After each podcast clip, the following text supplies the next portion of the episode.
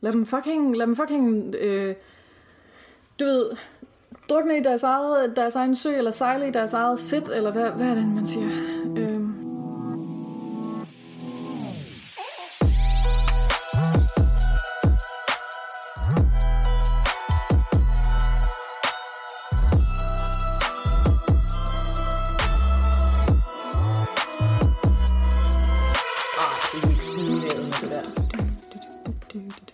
Okay, vi ruller. Nu uden, nu uden metronom. Okay.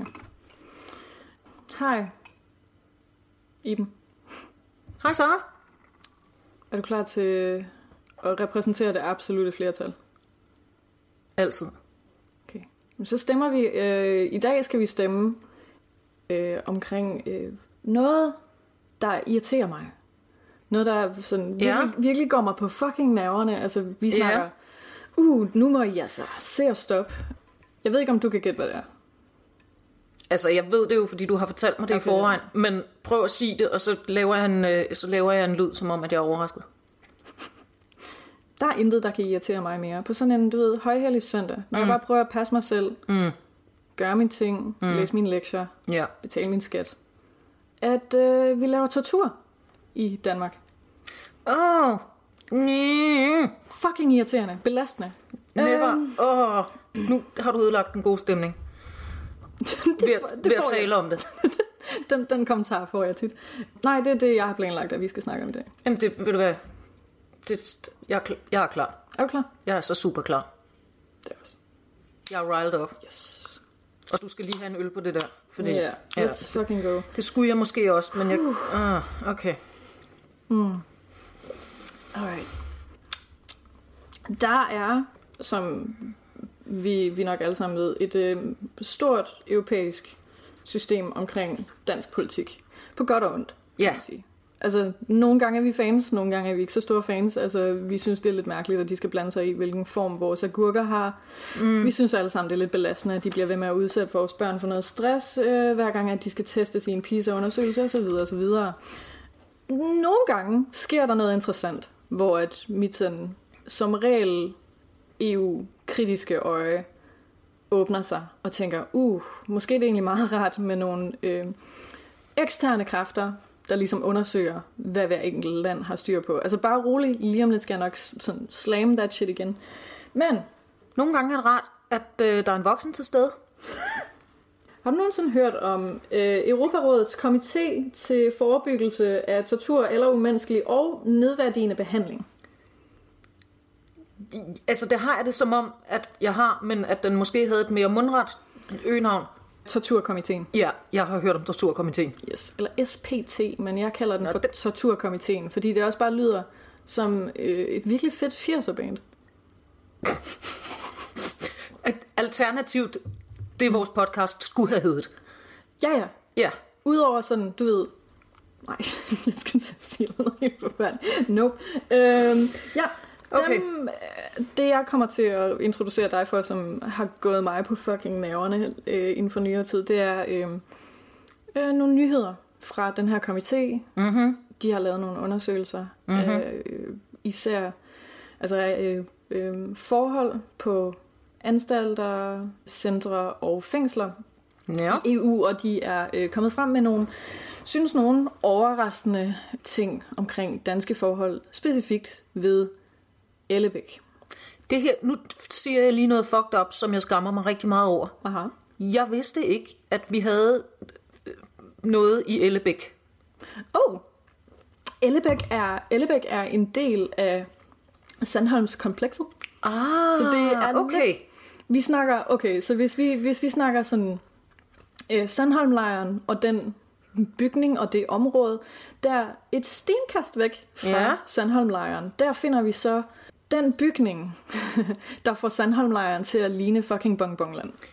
Men så okay, så hvad, hvad gør man i Sandholm, og hvad gør man i Ellebæk? Jeg skal have forklaret det her, som om jeg er fire Yes. år. Nej, det, jeg synes, øh, det er fair. Jeg var også selv, hvad kan man sige, jeg var, jeg var selv overrasket, da jeg øh, læste videre på den her rapport, og jeg ved ikke igen, fordi jeg er sådan, du ved, vi har en mission med den her podcast, det er at udsætte os selv for ekstreme store mængder af pres og info, Ja. som giver pres, Ja. så vi kan videregive vores, vores affekt øh, derfra. Så vi kan Øhm. ødelægge basically den gode stemning Ja. hos alle jer også. Og jeg var faktisk, jeg var faktisk lidt i tvivl øh, omkring det her. Jeg kan huske, at jeg også skrev til dig, og skrev sådan, hey, hvad, hvad synes du om det her emne? Ja. Fordi en del af mig tænkte, shit, det her det er noget fucking pis i forhold til, at jeg ikke har lyst til at lave en type af sensationspodcast, som sådan, du ved, sådan, øhm, gør det til underholdning, når folk har det elendigt. Ja. Vi er del af den samme twittosfære, hvor der er især en bestemt unavngiven podcast, som vi har dunket på i et stykke tid, og måske med god grund netop, at det gør Ja. menneskelig fucking elendighed til underholdning. Ja. Øh, True. true. true crime bullshit. Yeah. Se, igen, jeg har ikke navngivet den. Nej, nej. Vi, Ikke, hey, hey, if you know, you know. if you know, you know. Hvis du følte dig truffet, bare ærgerligt. Ja, og så var det jo nok dig. som, jeg, som jeg snakkede om. Nej, yeah. jeg, jeg tænkte over det i forhold til at vælge det her emne. På den ene side, jeg orker ikke at skulle gøre det til fucking underholdning. At Nej.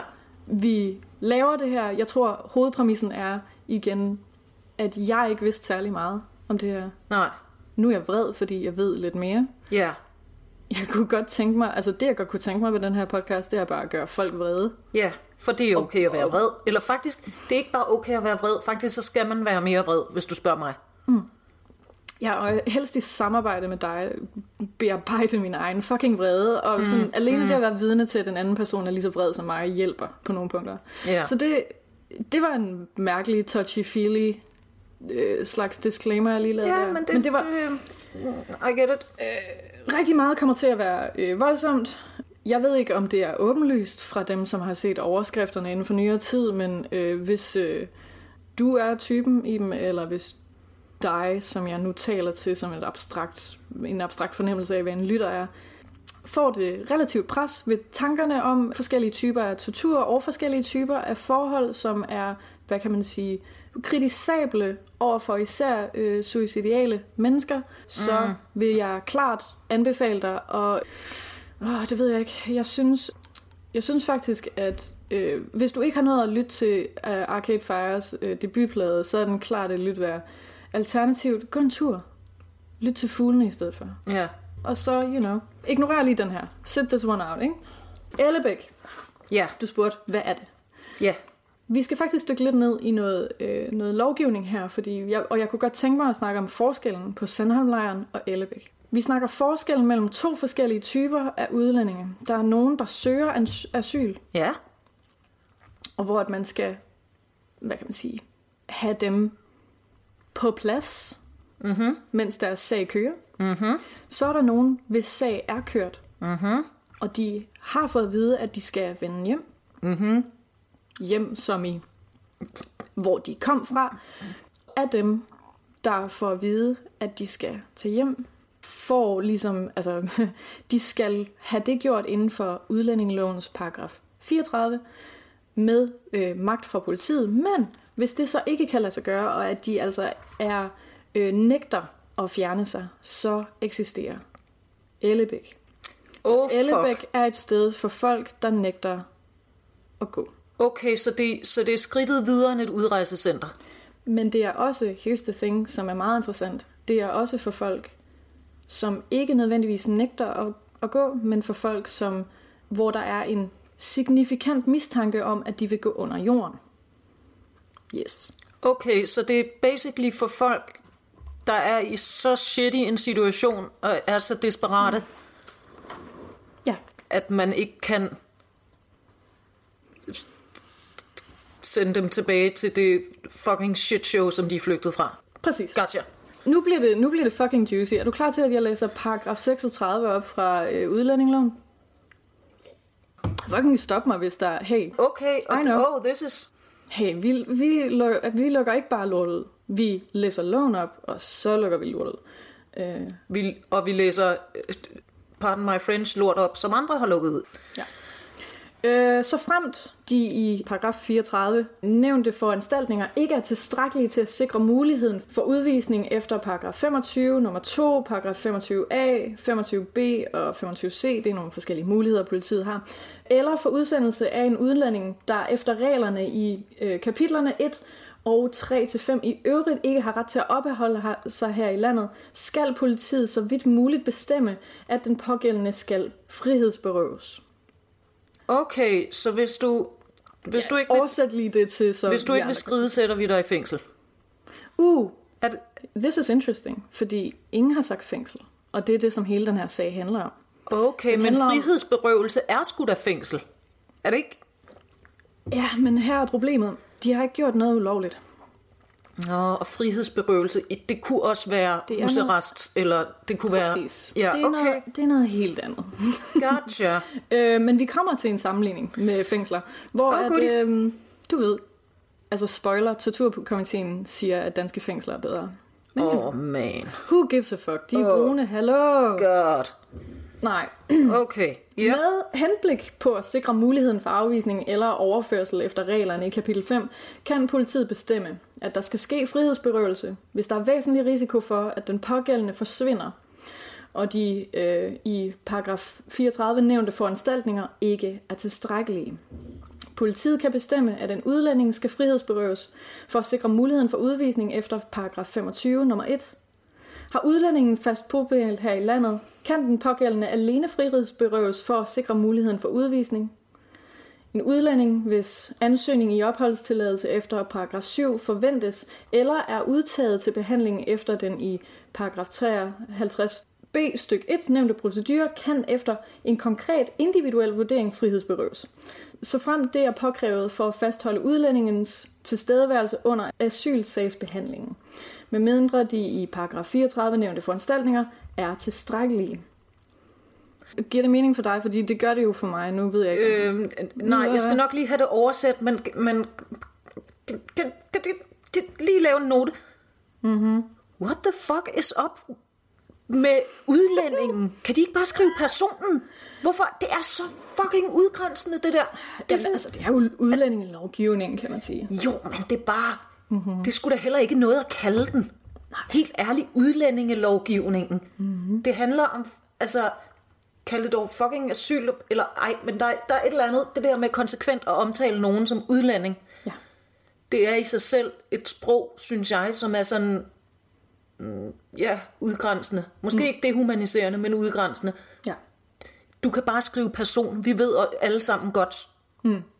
Altså, det er lige så wishy-washy så skulle de, hvis de ville være specifikke om, at det var folk, der ikke havde statsborgerskab, eller ja. Var blevet afvist, eller var asylansøger, sådan, men bare udlændingen.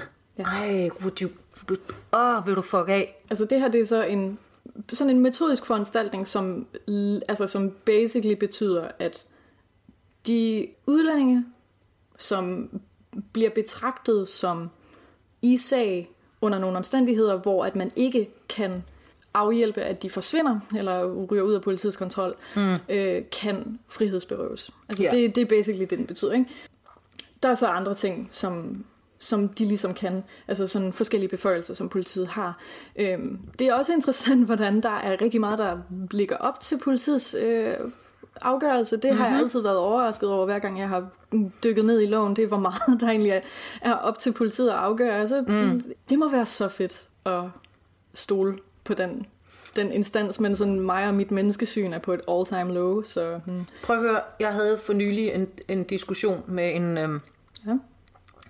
mand om det der med at rapportere voldtægt. Hmm. Og det er bare sådan, altså hans blinde tiltro til, at selvfølgelig ja. ville systemet, selvfølgelig skulle man indrapportere, selvfølgelig. Det var bare sådan, altså jeg, egentlig så var jeg, jeg var også brudt rasende, men jeg var også bare sådan et, hmm hey dame mand, den verden du lever i, fuck den må være lækker. Du lever i en verden, hvor man går ind på en, på en politistation og siger, hey, jeg er blevet voldtaget, eller jeg er blevet banket af min ekskæreste, eller et eller andet. Og så siger de bare, åh, oh, fuck, vil du have et tæppe og noget varm kakao? Mm. Kom, nu taler vi om det her. Ja. It's not what happens. Men altså, men Hvis jeg var sådan, hvis jeg prøver at tage den her ja-hat på, som jeg med jævne mellemrum prøver at tage på, indtil jeg beslutter mig for, at jeg ligner en idiot i den, mm-hmm. øhm, så hey, lad os, lige, lad os lige lege med den der tanke om de der gode politifolk. Ikke? Sådan, dem, der er der, de må sgu da have mega ondt i røven over dem, der øh, sådan smadrer sådan de smukke idéer omkring... Det tror jeg også, de har. Omkring den her børnedrøm, fordi ja. der findes jo den her børnedrøm, ikke? Sådan, åh oh, hey, jeg vil fucking, jeg vil fucking hjælpe, jeg vil ud i mit community, jeg vil sådan, jeg vil sådan, du ved, hjælpe nogen ind over vej. Jeg ved det sgu da ikke. Jo, men jeg tror faktisk, eller jeg håber i hvert fald, at hvis ja. du bare gerne vil have, at mm. folk, der slår andre mennesker ihjel, det skal de ikke have lov til. Ja. Og så er du politi, og så sidder du og opklarer nogle mor, fordi det giver mening, og sådan noget. Når du så har en eller anden Mm. Men jeg ved heller ikke, hvor stærk korpsånden er. Jeg kan bare forestille mig, at man sidder der og, og prøver at gøre sådan, at der er nogle folk, der har slået deres ekskæreste ihjel, at det ja. skal de her vide, det måtte de faktisk ikke. Ja. Og, og så er der en eller anden fucking lame gadebetjent, som går ud og kalder folk for, og jeg parafraserer, perle. Altså, jeg og så bagefter, så står din chef, så står din chef på tv og siger, han sagde bare perle, because that's, you know, a thing we have og alle mm. ved, det er løgn.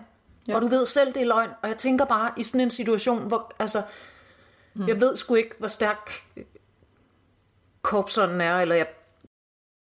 Det er, igen, det er igen det der med, hvor, altså, hvor stor er drømmen versus, yeah. altså, og hvor meget bliver din drøm yeah. øh, knust af, at dine øh, fagfælder ødelægger det? Mm. Eller er du efterhånden, er det sådan twistet til, at du nu har mere solidaritet med dine øvrige fagfælder, end du egentlig har til den mission, der fik dig startet i at have det her job. Yeah. Det er jo det, der er så et spørgsmål. Yeah. Hvor ligger din solidaritet oh, henne? Og det synes jeg er super interessant. Jeg kan godt relatere til det. Damn, jeg har også været, I don't know, du ved, du rotter ikke til, til chefen og så videre. Bevares. Det giver rigtig god mening. Anyway, det her det er også en længere det er en lang ting. Jeg ja, kan lige prøve, det, hey, den det her paragraf 34, som blev øh, reciteret et par gange. Ja. I forhold til frihedsberøvelsen. Ja. For inden så er der nogle muligheder, right?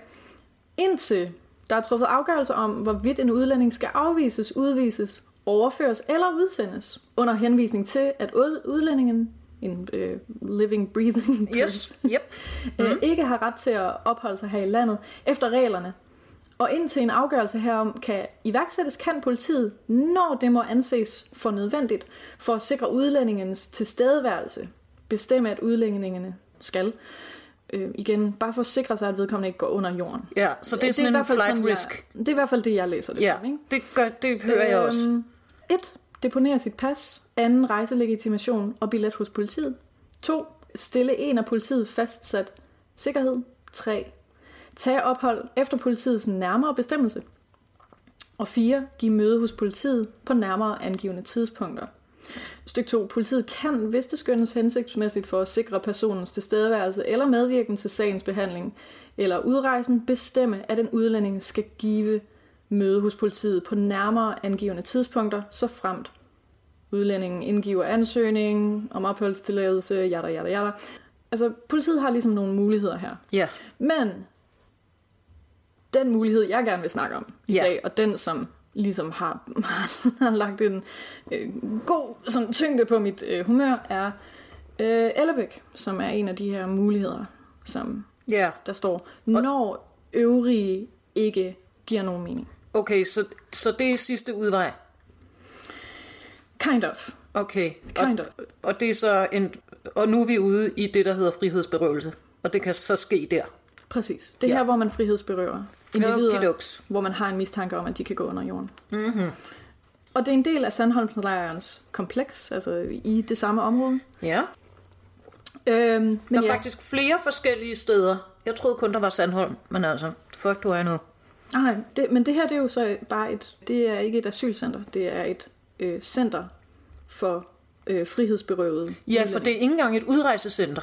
Nej. Så det er bare et center for folk, der er fucking desperate og mm. har fucking ingenting, og så kan vi sætte dem der. Gotcha. På deres egen hjemmeside. øh, skriver de udlændingecenter, Ellebæk. What the fuck, har de en hjemmeside? Ja, ja. What the, why uh, would you... Har de Twitter, har de Twitter. Hell yeah. Åh oh, gud, nej. Nej, nej. Nej, men det er bare kriminalforsorgen, fuck det. Okay, øhm, fint nok. Det ligger i Nordsjælland mellem Allerød og Birkerød, der er etableret øh, i bygninger, som tidligere har været del af Sandholm Kasernerne, og det er nabo til Center Sandholm. Udlændingecentret har 136 pladser og modtager udlændinge frihedsberøvet efter udlændingelovens regler. Yes. Bum. De indsatte i udlændingscentret er således som udgangspunkt ikke frihedsberøvet på grund af kriminalitet, men på grund af forhold relateret til udlændingeloven. Centeret modtager både mandlige og kvindelige ansatte. De nyeste tal, jeg har fundet forresten, det er, at øh, der er 141 indsatte lige, lige nu. Mm-hmm. 16 af dem er kvinder. Og De kvindelige ansatte... that must be i sig selv. Noget helt særligt. Mm-hmm. De kvindelige indsatte, de er indkvarteret i en separat bygning. Åh, oh, det sgu da altid noget. Ja, ja. Altså nu øh, har jeg lige, en, øh, lige nogle øh, meget øh, interessante udtalelser fra en tidligere øh, ansat på Ellebæk. Ansat eller indsat? Ansat. Ansat. Som udtaler så fint, at diverse besparelser har gjort, at kvinderne er mere eller mindre efterladt til sig selv. Åh, oh, goodie. Hallo, det koster for mange. for- De er 16. De er 16 kvinder. Hvad vil I have? Mm. Sådan 24 24-7 bevogtning, eller sådan, at nogen, der kan svare på jeres spørgsmål? Fuck. Ja, fuck ikke- det. Ja, ja, nej, fuck det. Ja. Det var sarkastisk. Fordi i det mindste lov at være fred sig. Ja, ja, ja. Det er jo det. Er jo det. Altså, de er is- isoleret. På godt og ondt. Ja, også. ja. Øh, Det blev etableret i 1989 og er udvidet flere gange siden, i det flere bygninger er taget brug, ligesom der er bygget nyt. Så det er ligesom the gist of it. Mm-hmm. Det er Okay. ligesom, hvad det er. 141, 16 af dem er kvinder. De er der i en bygning, på grund af, at loven siger, at der er mulighed for at frihedsberøve mm. udlændinge. Så langt, så godt. Nu er spørgsmålet bare, hvordan gør de det? Og den her torturkomité, de melder klart, øh, it ain't it, chief. Det er cringe. Det er ikke lidt. Det er, øh, Det er yikes. det er yikes. Det er yikes, uh, yikes a daisy. Tip of the yikesberg. Men jeg- Øhm, jeg- ja. Nu, nu, jeg tænker også bare, altså de her, de her mennesker må jo, alene på grund af den situation, de er i, mm-hmm. være max presset. De må jo være psykisk nedbrudte allerede, når de kommer dertil. Eller hur? ja, ja, er du gal? Det her det er jo sjovt, ikke? Fordi det bliver igen og igen på hjemmesider. I samtlige artikler bliver det nævnt igen og igen. Der er ikke tale om individer, der har begået kriminalitet. Nej. Som en udtalt anti-fængsel-type, kan jeg godt stå lidt tilbage med sådan en, og hvad så? Sådan, nej, nej, men det er jo, det er jo ekstra galt, fordi at det ikke er kriminelle. Det er derfor, at det er, pro- det er ikke derfor, at der er et problem. Tortur er altid et problem. Skal vi lige slå det fast en det gang skal vi slå fast. Tortur, ja. nederen i alle sammenhænge. Du må heller ikke torturere kriminelle. Faktisk. Nej, jeg synes, hey, I don't know. Jeg hader at være sådan en good guy herover, men knock it out. Fucking stop. Men det gør man så heller ikke, for jeg kunne forstå, at forholdene i danske actual fængsler for actual kriminelle er så bedre. ja. Okay, ja, men det er jo det er altid noget, hvis vi ikke torturerer kriminelle. Ja, ja. Hey, så, så gode er vi Prøv at se på den lyse side her. Okay, Men det er ja. fordi, vi har så mange hvide kriminelle. Og dem kan vi True. ikke lide Nej, at ikke. Nej, okay. Øh, som et eksempel på de her forhold, som de kritiserer. Kvinder har, får kun mulighed for en halv times frisk luft om dagen. Nej. For eksempel. I danske fængsler er det mindst dobbelt så meget. What the fuck? Så kan de komme på gårdtur, fordi de kan ikke... Præcis. Mm-hmm. Øhm, der er flere forskellige ting, som jo er sådan et, det her muterede monster af muligheder for at øh, frihedsberøve med alt, hvad det ligesom koster. Der er nogle ret hæftige konsekvenser heraf. Den Ja. ene er, de må ikke have kontakt til omverdenen. Det vil sige, ingen mobiltelefoner, oh, damn. Ingenting. Punktum. Og hvordan sikrer man sig det her? Det gør man øh, via nogle øh, ekstremt øh, ydmygende øh, procedurer, hvor at man laver rigtig mange nøgenvisiteringer. Nej, Yes. Er vi Nej. klar? Jo, jo. Vi nej, kører. jeg vil ikke være med. Ja, fuck, jeg vil ikke være Øhm. med. så Fucking lige meget, hvad jeg vil. Hvis man bliver fundet med, øh, med en øh, mobiltelefon, det er så her, hvor det bliver interessant, ikke? fordi at krit- kritikken ligger på, uh, et, det er et fængsel, og det er et problem, for de har ikke gjort noget kriminelt. Mm-hmm. To, det er værre end et fængsel, og det er slemt, fordi obvious reasons. Hvis man har en telefon, eller hvis man Ja, hvis bliver man- fundet besiddelse med en, så bliver det øh, straffet med 15 dage i isolation, Åh, oh, fuck. ligesom i fængsler. Og det i sig selv er jo en type af øh, systematisk tortur, som man laver for at afstraffe, for at afskræmme, øh, for at sikre sig den her omstændighed. Isolationsfængsling er på fucking listen over... Øh, beboerne, de, det var der jeg kom fra, de nøgenvisiteres, når de har spillet fodbold eller cricket eller sådan noget, for at tjekke, om de har fået kastet en telefon over hegnet. Åh, oh, helt ærligt, mand. Ja. Noget interessant, som jeg også sådan, øh, lad os sige, jeg stussede over, er, at mm-hmm. de arbejder på at ansætte nogle pædagogiske medarbejdere, men de er alle sammen fængselsbetjente. Men det er ikke et fængsel. Men det er ikke, husk på, lytter, vi gentager, det er ikke et fængsel. Det er ikke et fængsel. Ellebæk er ikke et fængsel, fordi de ikke har gjort noget men vi, kriminelt. Men vi har ansat fængselsbetjente, som Ja. er trænet og har erfaring i at arbejde i et fængsel. Yes. Så vi... Øhm, Mm. Ja. Så den her torturkomité, de har så undersøgt Danmark øh, forskellige, vi kalder dem indespæringsinstitutioner. Mm, fint Du ved, danske Lækkert ord. fængsler, Ellebæk, Ikea. uh, uh, undskyld, det er bare, når ting er forfærdelige, laver jeg jokes. Ja, Øhm, det, ja. Anyway. Psykiske forhold er forfærdelige, fysiske skal også lige nævnes. Øh, senge er i stykker, skabene er i stykker, sanitære forhold er præget af muk, der er dårlig hygiejne. Øh, det er meget problematisk, siger quote, delegationsleder Hans Wolf, som er professor i medicin og til daglig chefpsykiater i fængselsvæsenet i Geneve i Schweiz. Damn. Ja, han, øh, Okay, Hans. ja, Hans, Hans Wolf. Ja, jeg Ja. vil høre, hvad Hans har at sige. Han har nogle virkelig interessante ting Jeg har det sige som om, at Hans er min homie. Ja. Am I right? Ja, ja. Øhm, han laver en større fejl. Der er indtil flere fejl, han laver i sin udtalelse omkring det her. Den største vil jeg gerne lige nævne her. Han, han siger, Rusland, Tyrkiet og Ukraine er blevet nævnt som værre steder, men selv i de lande finder vi bedre forhold end i Danmark. Øhm, Uh, Hans. uh ja, shots fired. Uh, I know. Åh, Ja.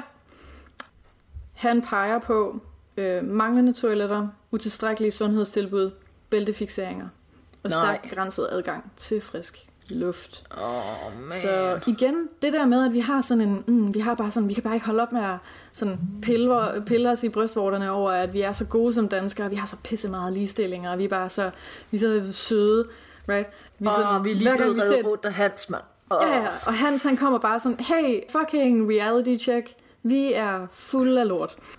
Rimelig meget. Han siger, kort og kort, og det er her, han laver sin store fejl. Mm.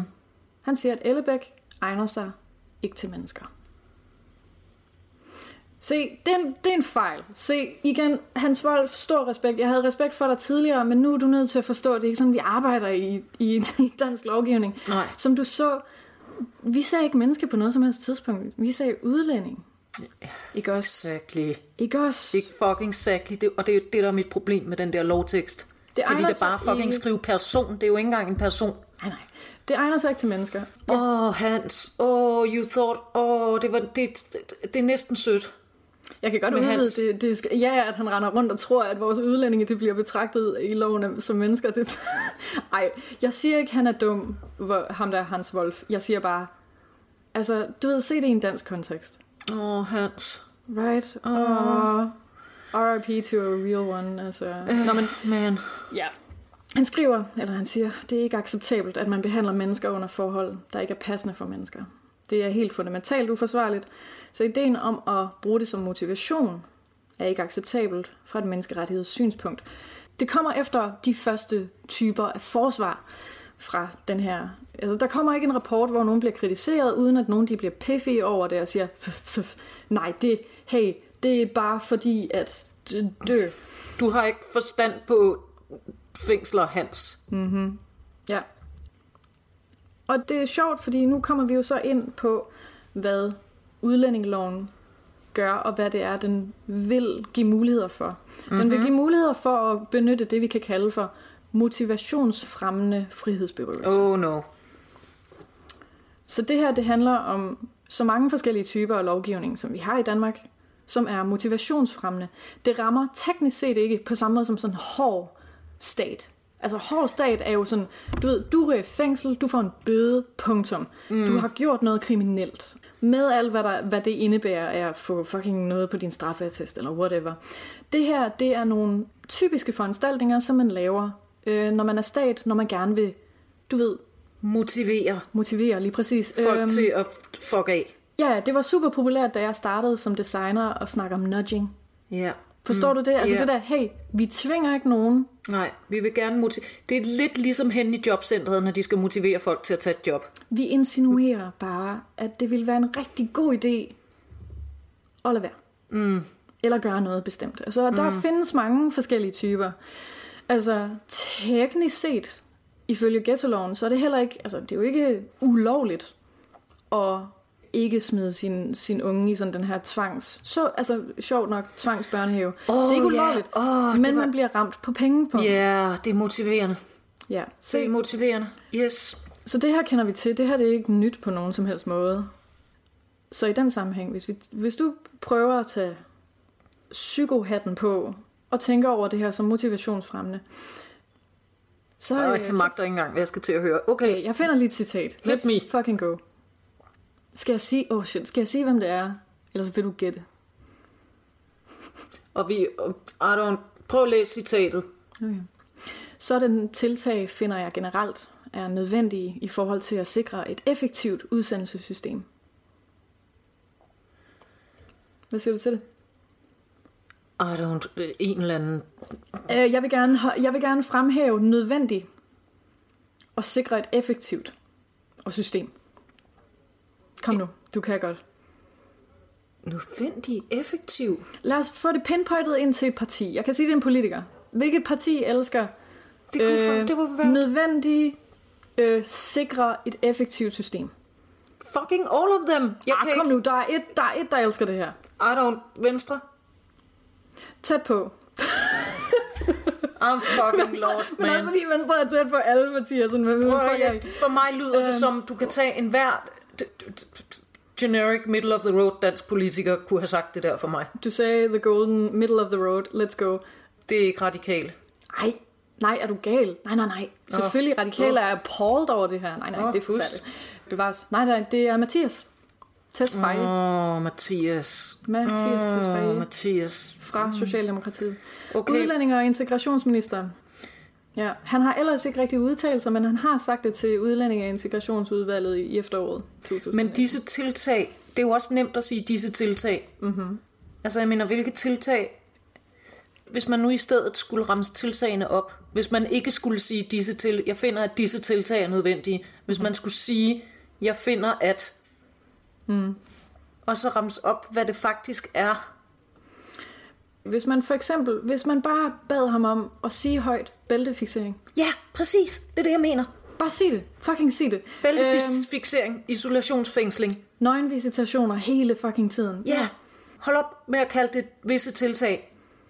Men det ser fandme også grimt ud, ikke? Og det er også derfor, jeg synes, det aller værste ord i dansk politik, det som giver mig kryb, og det som, som især pisser mig af i forhold til det her, det er ordet nødvendigt. Altid, altid. Og, det, og også med regnedrengene henne i, altså altid ja. nødvendighed.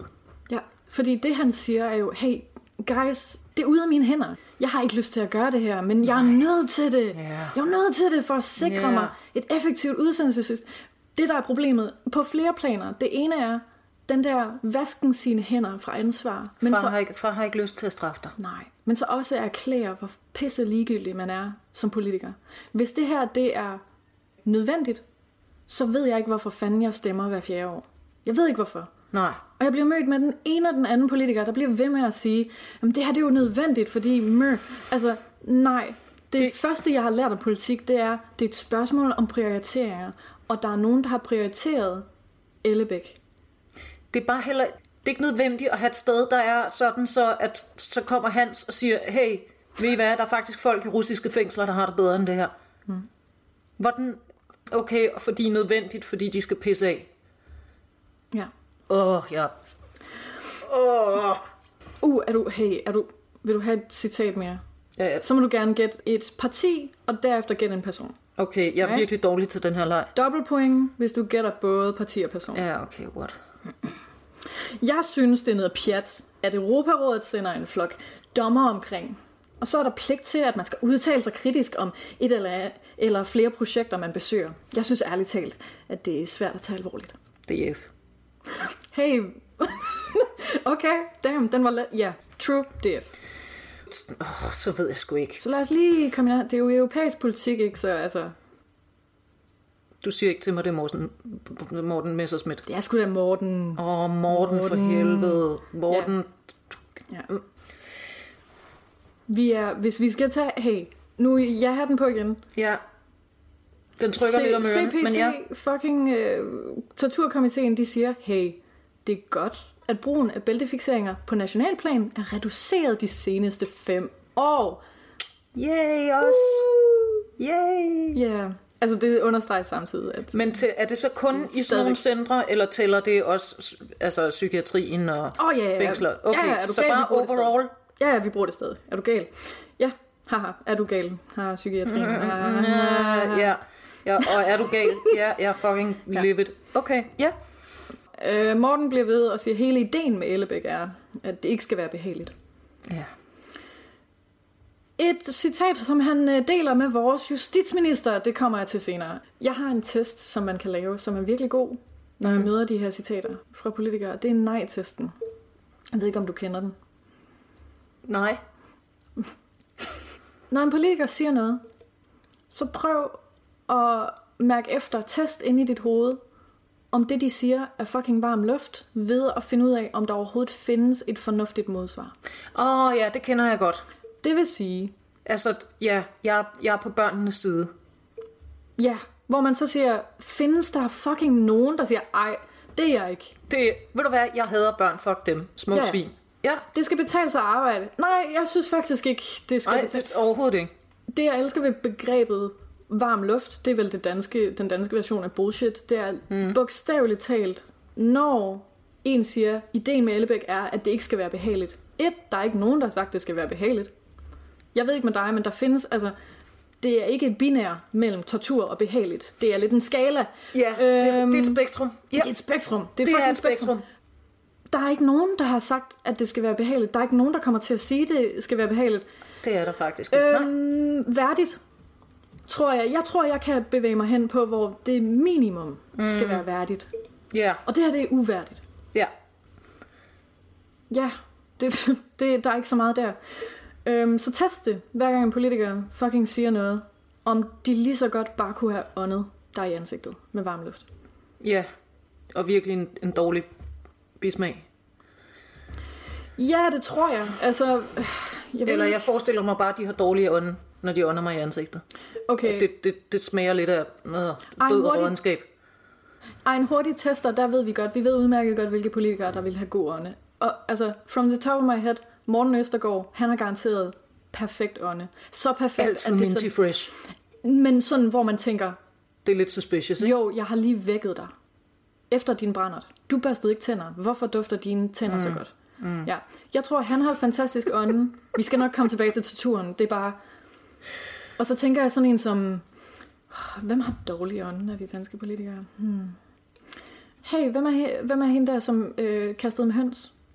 Pernille? Men det er også fordi, nu, jeg har bare lyst til at trash hende for et eller andet, fordi hun har skuffet mig, siden hun kastede siden med hun kastede med høns. Det var sådan hendes peak, og så er det bare, ja ja, hey, lad os starte et rygte om, at hun er dårlig hun har dårlig ånd. Uh, I stedet for at møde hende, ja, i stedet for at møde hende på sådan den demokratiske slagplads. Mm-hmm. Okay, det skal ja. ikke være behageligt. Nej, okay. Ingen sagde, at det skulle være behageligt. Nogen sagde, at det ikke skulle være tortur. Eller det ved jeg ikke, om der var nogen, der sagde. Det sagde Hans. Uh, der er nogen, der har sagt, at... Det sagde Hans. Bless his heart. Ja, en, der også siger, at det ikke skal være rart. Um, det er vores justitsminister, som har prøvet at på en eller anden måde reagere på det her. Nick Hagerup. Så efter at den her rapport viste, at øh, Ellebæk mm-hmm. er et af de værste steder, Europarådets komité øh, ligesom har været i EU. Også vi oh, er damn. ultimativt en af de rigeste lande blandt de nogen af 40 medlemslande. Det var bare lige det, jeg ville smide derind. Ja, altså, det handler ja. ikke om ressourcer. Nej. Det handler om prioritering. Ja, altid. Ved du, hvor meget en bjørneskinshue koster? En bjørneskins? Sådan en, som de har inde på Amalienborg? Ja, præcis. Jeg tænker tit over den slags. Nej, jeg ved ikke, hvad, en, hvad koster en Nå, bjørneskab? men det ved, altså, det ved Nå, jeg du ved det ikke. Det men jeg, ikke men det jeg ikke tænker bare på sådan, hey, hvor mange udlændinge kan, kan, kan sove trygt om natten inde i sådan en fucking bjørneskinshue? Mm. Mm, you got a point. Øh, han siger, grundlæggende kommer vi til at blive ved med at have et center som Ellebæk, som ligner et fængsel, og hvor at det ikke skal være rart at være. Dem, der opholder sig der, skal motiveres til at rejse ud af Danmark. Mm. First impression, hvad siger du? Men han forholder sig jo ikke, altså, han forholder sig jo ikke til, hvad der bliver sagt. Og han tror stadigvæk på det der binær mellem behageligt og tortur. Nå, men også bare, vi kommer ikke til at lukke Ellebæk. Nej, det var der ingen, der bad dig om. Der var nogen, der bad dig om, at- vi stopper med at torturere folk i Ellebæk. Ja. Vi lægger lige vores justitsminister til side i to sekunder. Jeg kunne godt tænke mig at introducere dig for Gert Petersen. Det er Han, ikke den øh, gamle SF'er, var? Det tror jeg ikke. Nej, okay. Nej, shit, det... Beats me, det, fuck, det kan godt være. Helt sikkert ikke. Han har arbejdet som fængselsbetjent i øh, Ellebæk i 25 år. Og han øh, genkender flere af de kritikpunkter, som Europarådets torturkomité de er kommet med. Ja, Han siger, quote, det er noget gammelt lort. okay, Gert. Citat slut. I kind of like it. Ja, god start. Yes, right? Altså, det, som jeg, jeg, Gert giver mig en god energi. Ja. Øhm, det er ramponeret i dårlig stand, selvfølgelig. Og han kan sådan ikke genkende til, at det er nogle forhold, som ikke giver nogen mening. Alright, Gert. Ja, så det var fantastisk. Altså, jeg var ret overrasket over, at der var nogen, der sagde noget, fordi det virkede efter sådan en kort øh, undersøgelse af øh, det her sted, så virkede det som om, at sådan kriminalforsorgen og sådan øvrige fængselsbetjents associerede meget gerne bare ville sikre sig mest af alt mod anklager, at det var deres problem og eller deres fejl.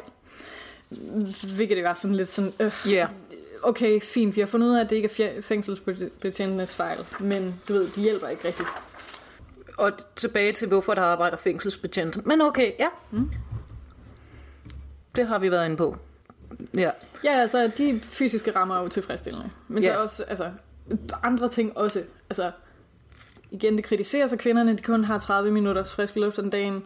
Der øh, er en interessant sag om en selvmordstruet, som blev efterladt nøgen i en isolationscelle. Nej.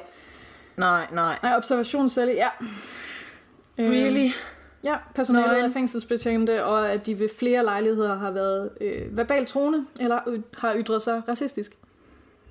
Oh, goody. Det, oh, this just... Så Gert har noget at sige om de fysiske forhold. Det har han også. Har, øhm... har Gert noget at sige om de sådan, øh, ikke materielle aspekter af... Ja, altså han snakker om, altså han er blandt andet en af dem, der snakker om, at kvindeafdelingen reelt set er personalefri. Altså der er ikke nogen. Øh, kvinderne sidder i en afdeling for sig selv, som ligger sådan en 40-50 meter fra de øvrige bygninger. Aha. Øh, så man har øh, skåret ned i antallet af personalet. Så er der i det mindste ikke noget personale til at kalde dem racistiske ting. I guess not. I mean, hey, halvt, halvt, halvt tomt eller halvt fuldt, Åh. guys. Altså, Ja. Oh, fuck. Men han blev direkte spurgt, altså hvad synes du, hvad tænker du om den kritik, som komiteen kommer med? Og han Ja. svarer, hvis jeg ser på det som fængselsansat, og ikke har en politisk holdning til, hvordan man skal behandle afviste asylansøgere, vil jeg sige, at forholdene ikke lever op til, hvad man som en vestligt civiliseret samfund bør tilbyde andre mennesker. Oh, damn, Gert. Nu synes jeg, at der, der er kommet et andet ord på banen, ikke? som jeg synes er meget mere interessant i forhold til sådan politik. Ja. Det er bør. Og jeg vil, ikke være, jeg vil ikke være sådan moralens vogter, men jeg vil sige, at der altid er et moralsk valg. Jeg siger ikke fucking, at sådan, hvad folk skal gøre, men mere, uanset hvad, nu vender vi lige blikket igen mod vores justitsminister, at uanset hvad, så er der ikke nogen nødvendighed. Nej, Det er alt sammen et spørgsmål om, hvad synes du, vi bør? ja, Du har magten, altid. Jeps. du har fået øh, x antal stemmer. De står og kigger på dig med sådan julelys i øjnene og tænker, åh, du ved, hvad vi bør. Og hvis han svarer, jamen jeg bør gøre bare det, jeg skal, så er alting fuldstændig ligegyldigt. Så det synes jeg er fedt. Alt, hvad der handler om at være øh, civiliseret. Jeg ved ikke lige med den vestlige civilisering lige nu, fordi hvis vi er vidne til noget inden for nyere tid, så er det, at Vesten ikke er særlig civiliseret. Kinda.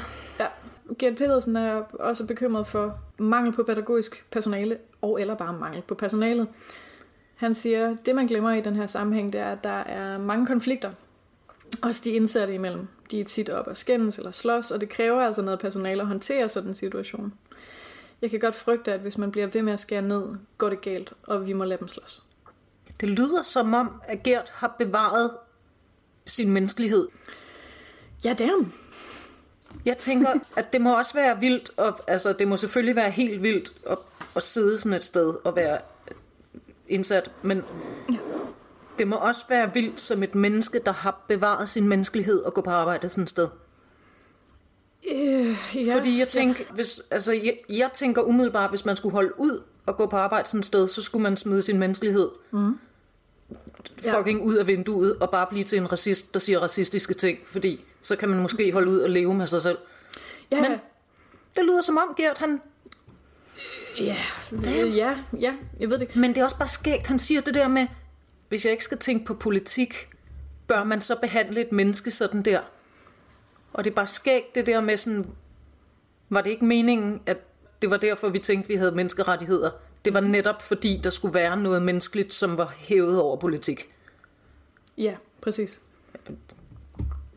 Ja, og så er spørgsmålet netop, altså om vi på noget som helst tidspunkt kan adskille politik og menneskerettigheder. Mm-hmm. Altså, det her skal... Det kan vi jo åbenbart ikke. Det Ja. kan vi ikke, når der sidder nogle mennesker og siger, det er en politisk nødvendighed, at jeg tilsidesætter menneskerettighederne. Mm.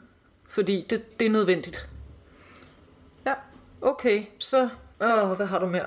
Åh, fucking deprimerende. Så Hækkerup fortsætter. Nu ryger vi tilbage til Nick. Åh, oh, Nick. To be fair, han siger, at det er folk. Så det hjælper ret meget på det. Hey, Han siger, at det er what? folk, som er kommet hertil, og som har fået deres sag behandlet. Mm-hmm. Det er blevet konstateret, at de ikke har noget grundlag for at opholde sig her. De skal rejse ud af landet. Og det her er et skub i ryggen. Åh, oh, Nick. I know, right?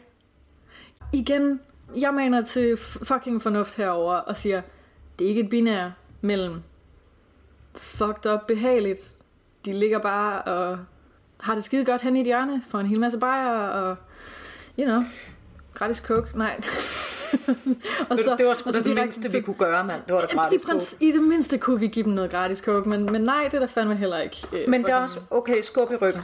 Okay, Ja, skub i ryggen. okay. Det er et skub i ryggen. Det, åh, det har bare sådan en dejlig positiv klang, ikke? Det er sådan noget, man står og tøver lidt. Man er sådan lidt, uh, tør jeg det her? Ja, yeah, man, kom. Jeg giver dig et skub i ryggen.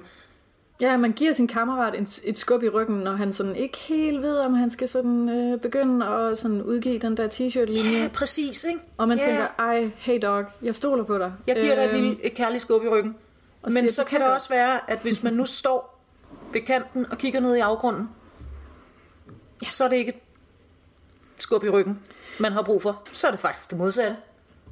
Så er det nogen, der så tager helt kærligt og lige fører en væk fra afgrunden. Hvad fanden ved jeg? Skub Det i skub- ryggen, my ass. Det skub, man i hvert fald har brug for, er Åh, oh, god. lidt mere ligesom, uh, vi bliver i din metafor lidt. Øh, når man skal ud af planken, Ja. så bliver man sgu da stukket med sådan en lille sabelting. Jeg ved ikke noget. Ja, sådan tegnefilms pirater. Ja, ikke? altså, sådan en. Ja, så det er det, vi skal forestille os. Vi skal forestille os, at det, det, det, det de her udlændinge, de er. Vi står med vores sabel, prikker dem i ryggen og siger, ej, kom nu, spring ned i vandet. Gå planken ud. Der er Ja. ikke særlig mange hajer. Øh, Åh, Præcis. Øhm, oh, what, oh, fuck, hvor er det deprimerende. Nikkerup fortsætter. Det er vores... Det var hans, hans navn blev mere og mere mængel, som det her, det skrider frem. Okay, Nikkerup, hvad har du til mig i dag? Han, øh, det er vores holdning, at når man har fået at vide, at man ikke kan opholde sig i Danmark, men man ikke rejser ud, så synes vi sådan set, at det er okay, at man byder folk nogle forhold, som dem, der er på Ellebæk. Citat slut. Igen, Det, der bare er- Igen, hvis du, hvis du bare, i det mindste, i det mindste, i stedet for at sige nogle forhold, bare så og sturk i øjnene, eller bare sådan, Ja. durk ind i linsen, bare med sådan krystalklare blå øjne. Jeg, får, jeg, don't know, jeg ved ikke, hvilken farve Nick Hækkerups øjne er. Nej, det ved jeg, Jeg jeg forestiller mig, at de har sådan den der, Jeg tror ikke engang, jeg kunne udpege ham i et line-up øh, af hvide mænd med slips. right, nej, men det, nej. Nej. nej. Sådan har jeg det jo også med, med ham der, der lige er gået af. Ham der med Swan Lee. Ja, klart. Ham, Øhm, ja. øhm, Who the fuck cares? Så sig der i det mindste, at så synes vi sådan set, at det er okay, Med at tortur. man byder folk bæltefixeringer, Lig nøgen i en isolationsseddel. den slags. Men Christian øh, Hedegaard fra Radikale, øh, han siger dog, at det, det er ret nedslående melding fra ministeren, som burde interessere sig mere for grundlæggende menneskerettigheder. Jeg er enig, jeg er altid skeptisk, fordi jeg er altid sådan, hey, all bark, no bite. Jeg er blevet brændt af radikale. åh, oh, Arne Selvom-. Nej, selvom, hey, shout out til Manu Seren for det der homoægteskabs noget. Mm. Jeg er en af dine største fans. Du skriver nogle dejlige børnebøger. Stor fan. Ja, en eller anden dag, så Good skal vi guy. tale om fremdriftsreformen. Oh shit, okay, never mind. Manu, lad mig være. Du må ikke Mhm. snakke til mig.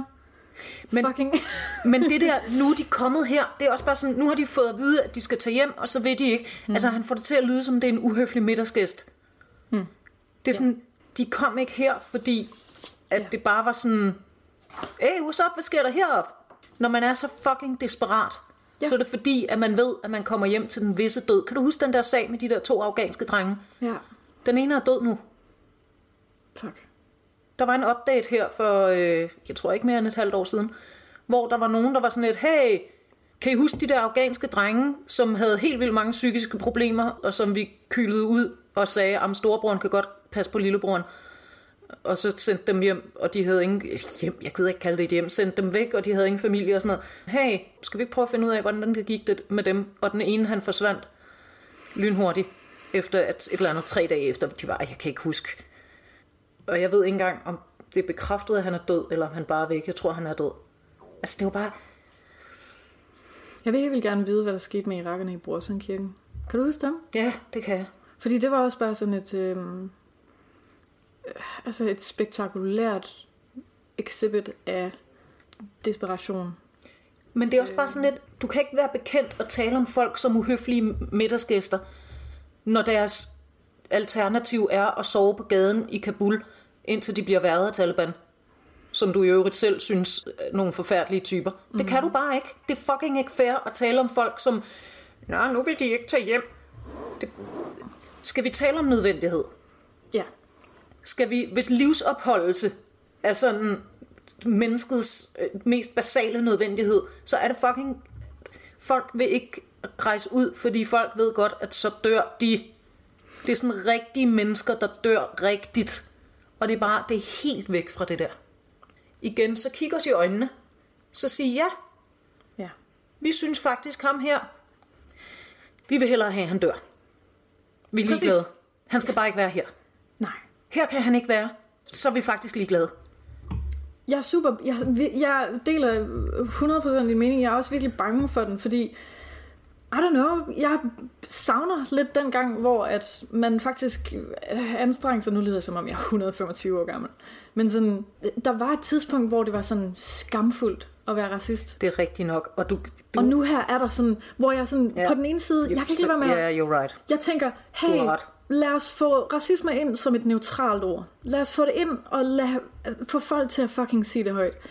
Bare sige det højt. For eksempel, jeg laver lige sådan øh, fuld cirkel på vores rejse til Ellebæk her nu ved at sige, Jonas Eika, forfatteren, i sin tale, der fik kaldt Danmark ud for at have statsracisme, havde ret det jeg ønsker, når jeg desperat ønsker, at nogen siger det højt, altså siger, ja, jeg fører racistisk politik, Ja. det er, okay, kan du stå inden for det? Men på den anden side, jeg er med mig også bange for konsekvenserne af, på Ja. et eller andet tidspunkt at sige, hey, business as usual, det er det her, der er stemmer i.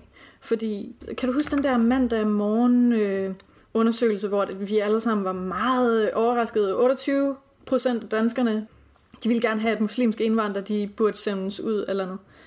28 procent af de adspurgte. Vi snakker sådan en, jeg tror det var sådan 5.000, Fandme mange. der spurgte. Ja, ja, hvor jeg netop er ude i sådan en, en tankestrøm, hvor, jamen så, okay, nu, nu skal vi også i gang med at sige de her ting højt. Altså sådan, Ja. vi har lavet den her foranstaltning for at kunne bibevare en dansk etnostat, Ja, ja, fordi vi kører stadigvæk fucking mm. mange kampagner om, hvor mange børn, sådan nogle ariske typer, de skal Uh, ja. Knald for Danmark. For Ja, knald for, ja, knald for Danmark. Åh, oh, man. Knald for Danmark. Få nogle børn. Du bliver snart for gammel. Uh, kom nu. Ja, ja, præcis. Hvis vi i det mindste kunne sådan få alle de her lag af sådan bullshit, få det pillet af, Ja. og få kaldt statsracisme det, den er. Og i det mindste da ikke slå på sådan sådan en stakkels forfatterspire. Altså den lille purk for helvede, Jonas. Nej, men ved du hvad, jeg havde Lille det også sådan Jonas. lidt...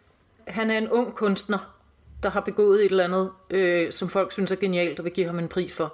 Ja. Jeg har ikke forstand på litteratur, så the fuck do I know. Men Mhm. der har jeg det sådan lidt... Ved du hvad, hvis en ung kunstner Mhm. ikke rejser sig op og fucking revser systemet, Ja. så er han sgu da ikke sin pris værd. Det skulle da det unge kunstnere skal. Det er da dem, der skal Jeg skulle da. Hvad fanden, altså, lavede Jens Jørgen Thorsen, da han var ung?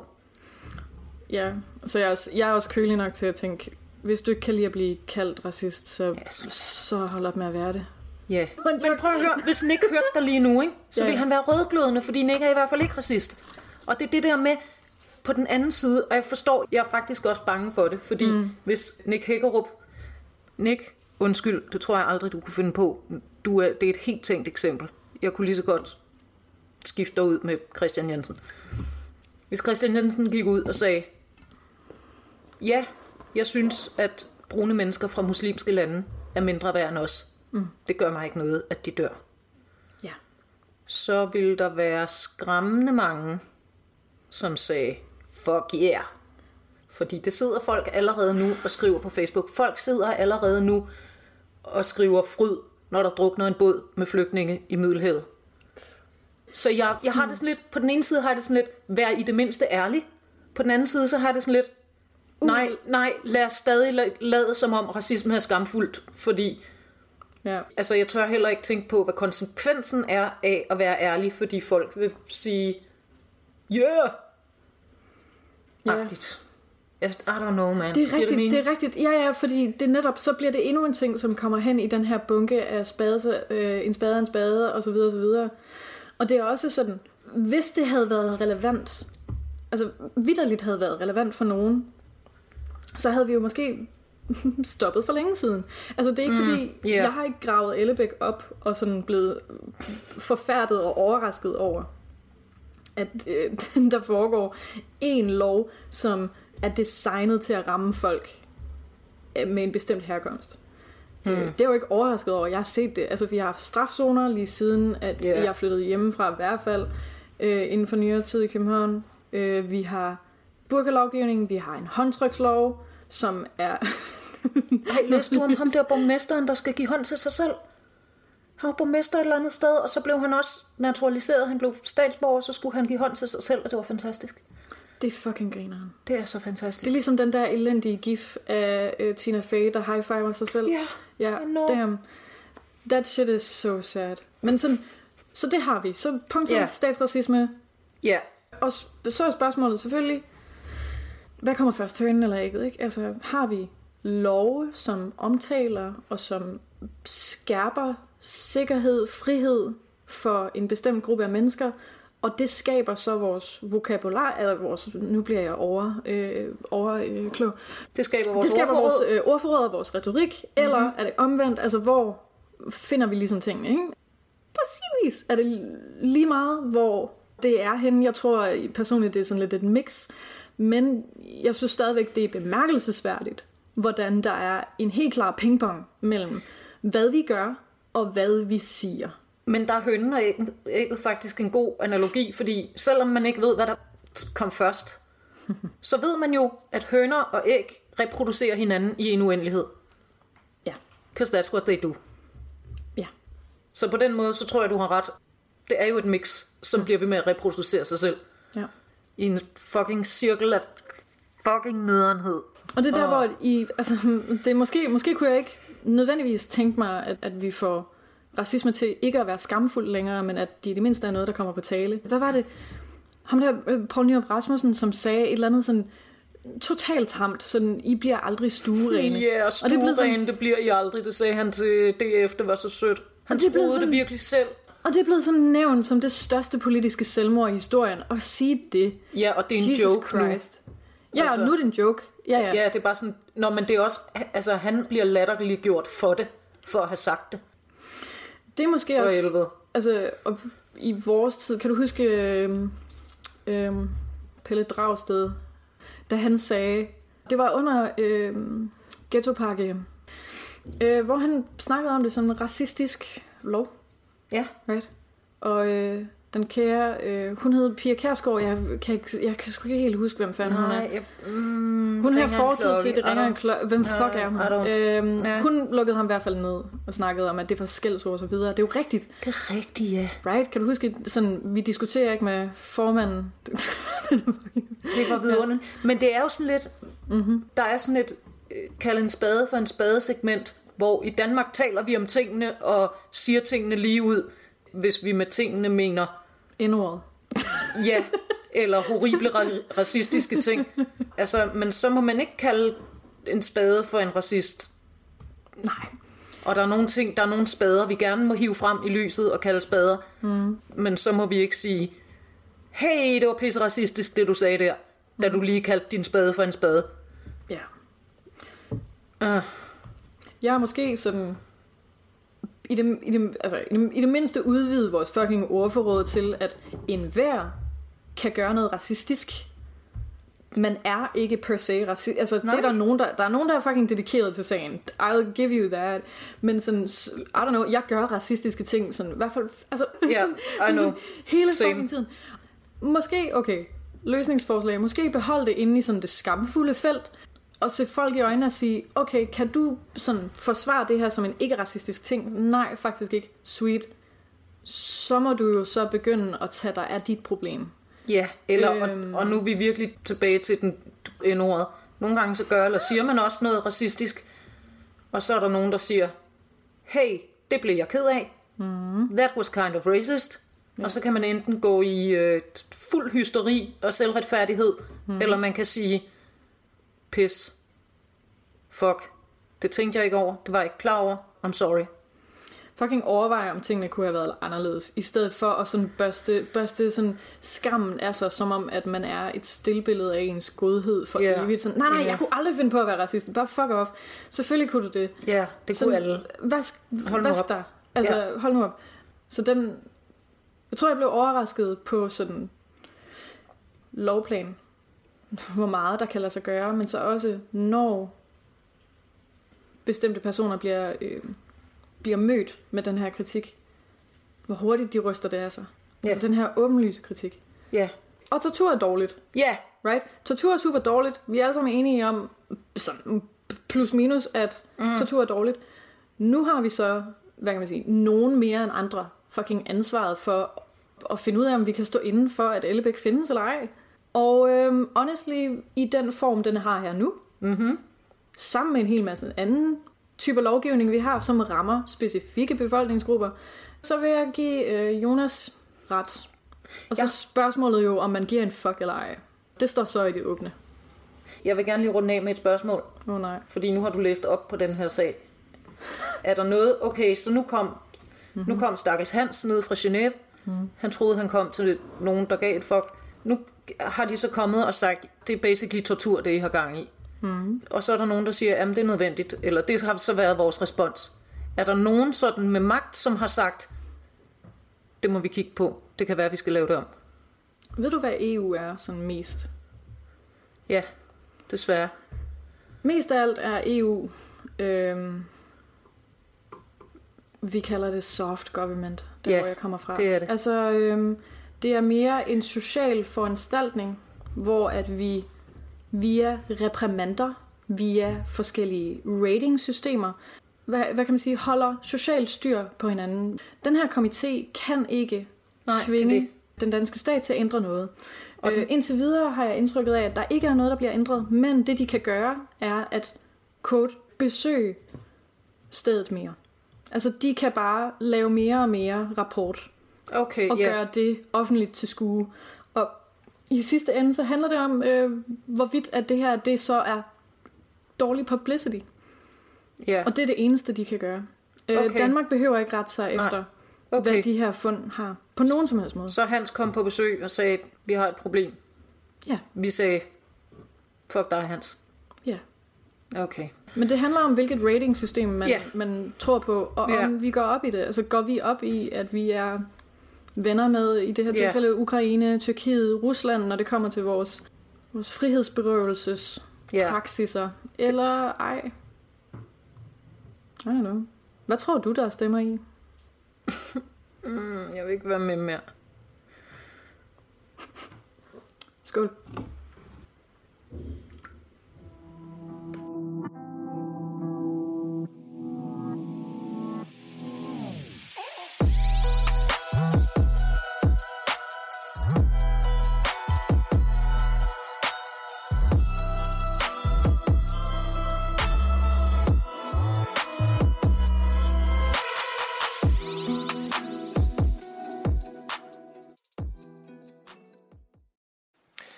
Vinnare av Nordiska rådets litteraturpris 2019 är Jonas Eika från Danmark.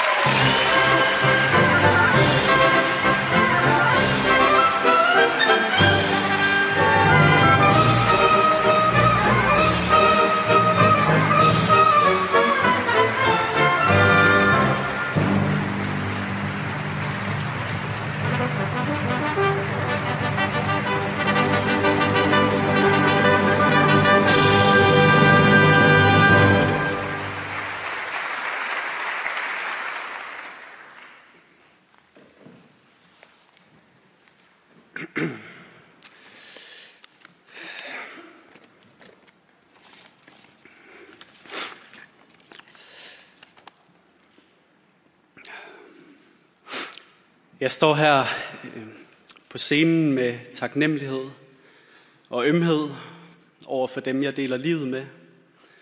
Dem, der inspirerer mig. Dem, jeg tænker sammen med. Dem, jeg laver politik og litteratur med. Dem, jeg organiserer mig sammen med. Bogen, som får den her pris, findes også på grund af dem.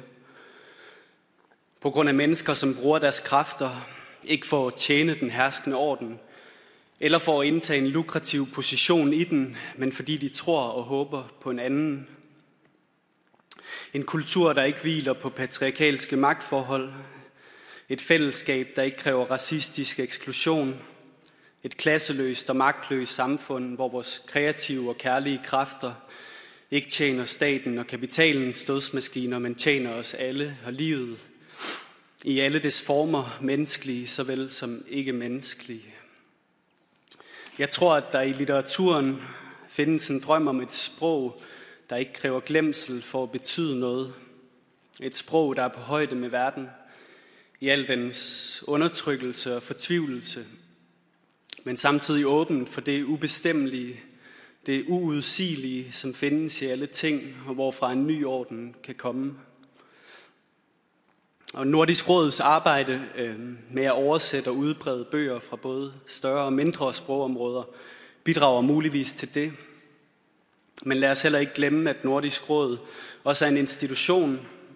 Det er et officielt samarbejde mellem nogle af de rigeste nationalstater i verden.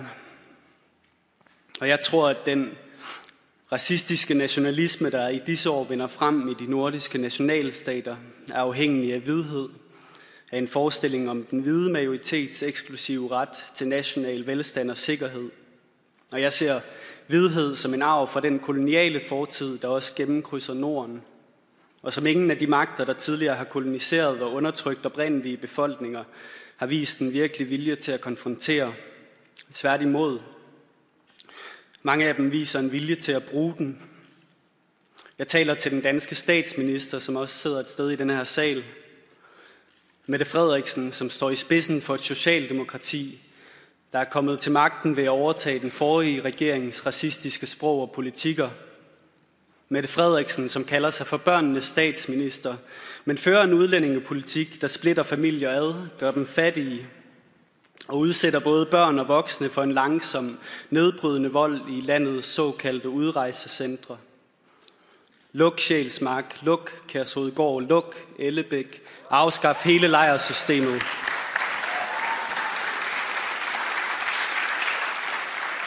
Mette Frederiksen og Socialdemokratiet, der siger, at de kæmper for velfærd og billige boliger, men gennemfører det hidtil største angreb på den almene boligsektor.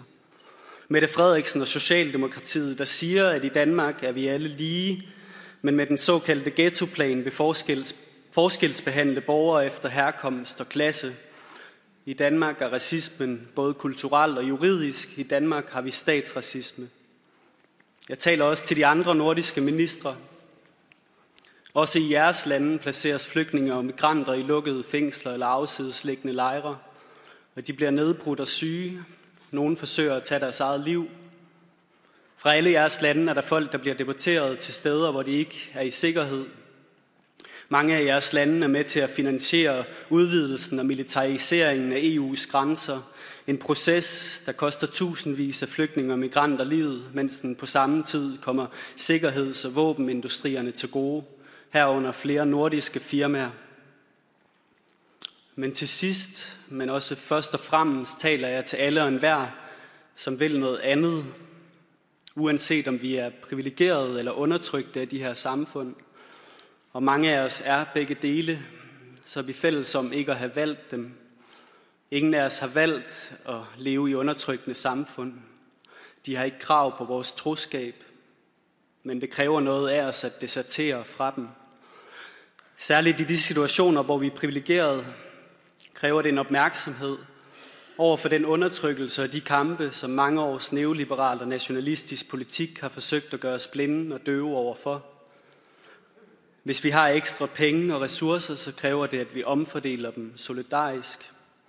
Og for os alle tror jeg, det kræver, at vi ødelægger det afgrænsede, uniforme selv, som staten og kapitalen har skabt i os og lærer at handle sammen igen på tværs og i kraft af vores forskelle. Det kræver, at vi finder hinanden